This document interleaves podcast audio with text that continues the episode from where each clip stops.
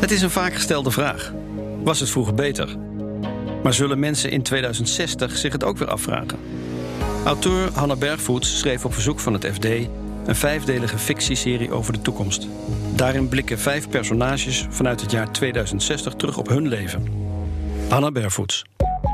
Vandaag Angelique. Steeds wanneer Angelique iets wrangs gezegd heeft, lacht ze. Het is een wat verwarrende lach voor wie hem voor het eerst ziet. Angelique kijkt je aan, samenzweerderig bijna, haar diepgroene ogen tot spleetjes geknepen. En dan, plots, een brede glimlach, een beetje spottend, alsof ze het lot, het onheil dat haar trof, uithoont. De lach verschijnt ze wanneer ze naar de oven van haar inbouwkeuken wijst. Het ding was 19 jaar oud toen hij het eergisteren begaf. Daarom vandaag geen zelfgebakken kruidensoufflés op haar keukentafel, maar tomatenpoffers uit een winkel in Haarlem. De laatste bakker in haar woonplaats verdween alweer twintig jaar geleden. Vandaar dus die oven, maar een nieuwe zal ze niet snel kopen. Angelique leeft van haar spaargeld, vertelt ze. Ze had haar huis willen opeten, maar sinds de nieuwe waterpeilprognoses is de prijs van haar vrijstaand herenhuis weer drastisch gedaald. Angelique woont aan de kust. Ze gaat nu extra vaak wandelen langs het overgebleven stukje strand.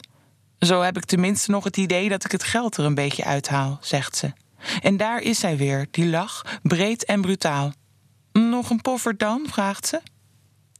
Vanmiddag zal Angelique vertellen over haar geliefde Lola, die vorige zomer overleed naar een kort ziekbed.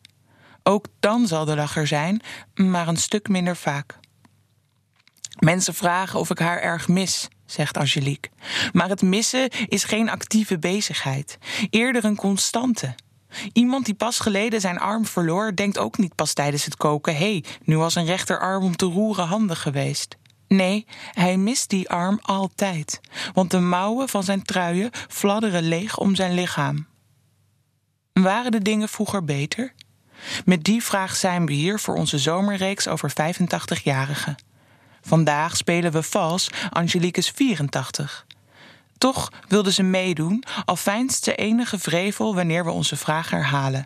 Want, zegt ze, wat is vroeger en wat is beter? Wacht, zegt ze dan, want vooruit, ze wil wel degelijk iets vertellen. Ze trekt een kladblok uit een keukenla. Ze heeft wat jaartallen opgeschreven. Ja, Angelique heeft een agenda vanmiddag. 1976, haar geboortejaar. In het voormalig UK, vertelt Angelique, was homoseks onder de 21 toen strafbaar.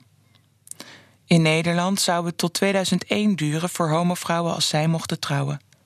Tot mijn 25ste leefde ik als burger zonder burgerrechten. Kunnen jullie je dat nu voorstellen? Middelbare schoolstudie, andere homovrouwen kenden ze niet. Volgend jaartal, 1997. Ze kreeg haar eerste vriendin, maar die durfde haar niet aan haar ouders voor te stellen. Vanaf de jaren tien begonnen dingen te veranderen.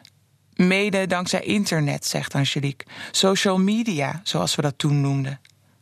In 2016 stuurde Lola haar een berichtje via Facebook, destijds vooral gebruikt als netwerksite. Je had in die tijd ook datingsites, vertelt Angelique. Daar zocht je heel specifiek naar een partner. Op Facebook postte je van alles over van alles. Ja, heel ongericht. Maar Supertension kenden we nog niet en dit was jaren voor het Libra-schandaal.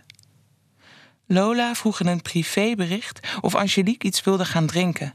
Daarna ging het snel. We voldeden volledig aan het toenmalige cliché over homovrouwen. Die zouden binnen twee maanden gaan samenwonen met een kat. Vooruit, zij wachtte drie maanden. En wij namen een hamster die het overigens na een half jaar weer begaf daar is hij weer, Angelique's lach. Tijdens ons gesprek kijkt Angelique een paar keer richting de schouw, naar de ingelijste foto van haar voormalige liefde. Of misschien is voormalig het juiste woord niet. Wanneer Angelique naar de foto kijkt, is het alsof ze nog altijd wacht op bijval. Ze ontmoeten elkaar in een wat aparte periode, vertelt ze ondertussen. Eind jaren tien was homo zijn opeens, mm, hoe zeg je dat? Bonton of zo.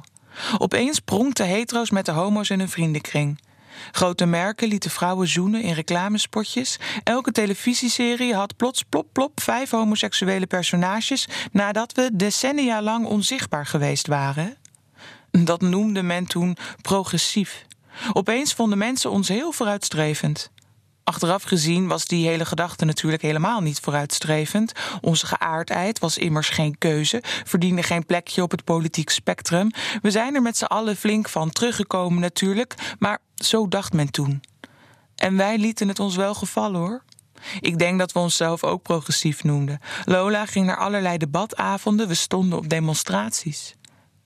Angelique vertelt hoe ze zich in 2019 met wat homovrouwen op het Amsterdamse Beursplein verzamelde toen de minister de vergoeding van IVF voor lesbiennes wilde afschaffen. IVF was toen nog een omslachtig proces waarbij eicellen één voor één uit de baarmoeder geoogst werden, omdat die cellen niet, zoals vanaf de jaren 30 gangbaar, konden worden gekweekt uit eierstokweefsel. Het was regenachtig die dag, herinnert Angelique zich. Maar Lola stond erop dat we gingen, kocht gewoon twee vuilblauwe wegwerpponcho's. Ze had zelfs borden gemaakt: geen inseminatie is discriminatie. Wilde ze zelf soms? Angelique zucht. Kinderen? vraagt ze. Ik was al 43. Maar Lola was tien jaar jonger. Zij bleek er veel meer mee bezig dan ik aanvankelijk doorhad. De avond na de demonstratie kregen ze slaande ruzie, vertelt Angelique. Als jij een kind wil, dan zal ik ervan houden alsof het mijn eigen kind is, zei ik. Maar Lola schudde haar hoofd. Ze zei: Het hoort je eigen kind te zijn. In die tijd vond men dat de lesbische partner net zo goed moeder was als de partner die het kind gebaard had, en logisch ook, we konden niet anders. Maar als ik destijds naar de kinderen van heteroseksuele vrienden keek, die dan de licht loensende ogen van hun moeder hadden en die mooie ronde dopneus van hun vader, dat was iets. Angelique valt even stil. Dan. Een kind dat op jou lijkt en op je partner. Het stond zo ver van ons af dat het iets unheimisch kreeg. Stel je voor, de neus van mijn geliefde op iets wat ik gemaakt heb. Zestien jaar geleden was er weer een demonstratie waarbij homovrouwen het voortouw namen. 2044, zegt Angelique zonder in haar kladblok te spieken.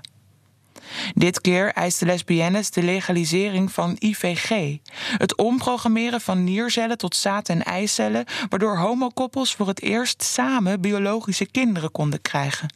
Omdat vrouwen alleen X-chromosomen hebben, konden lesbiennes aanvankelijk alleen meisjes voortbrengen. Homomannen mochten de techniek gebruiken onder strenge voorwaarden, homovrouwen niet. Zullen we naar het protest? vroeg ik Lola. Maar ze zei dat er geen weer voor was terwijl het motregende alleen wat. Ik heb niet verder gevraagd. We zijn thuisgebleven en hebben een oude musical gekeken. Plots staat Angelique op en ze loopt naar het raam. Daar, wijst ze.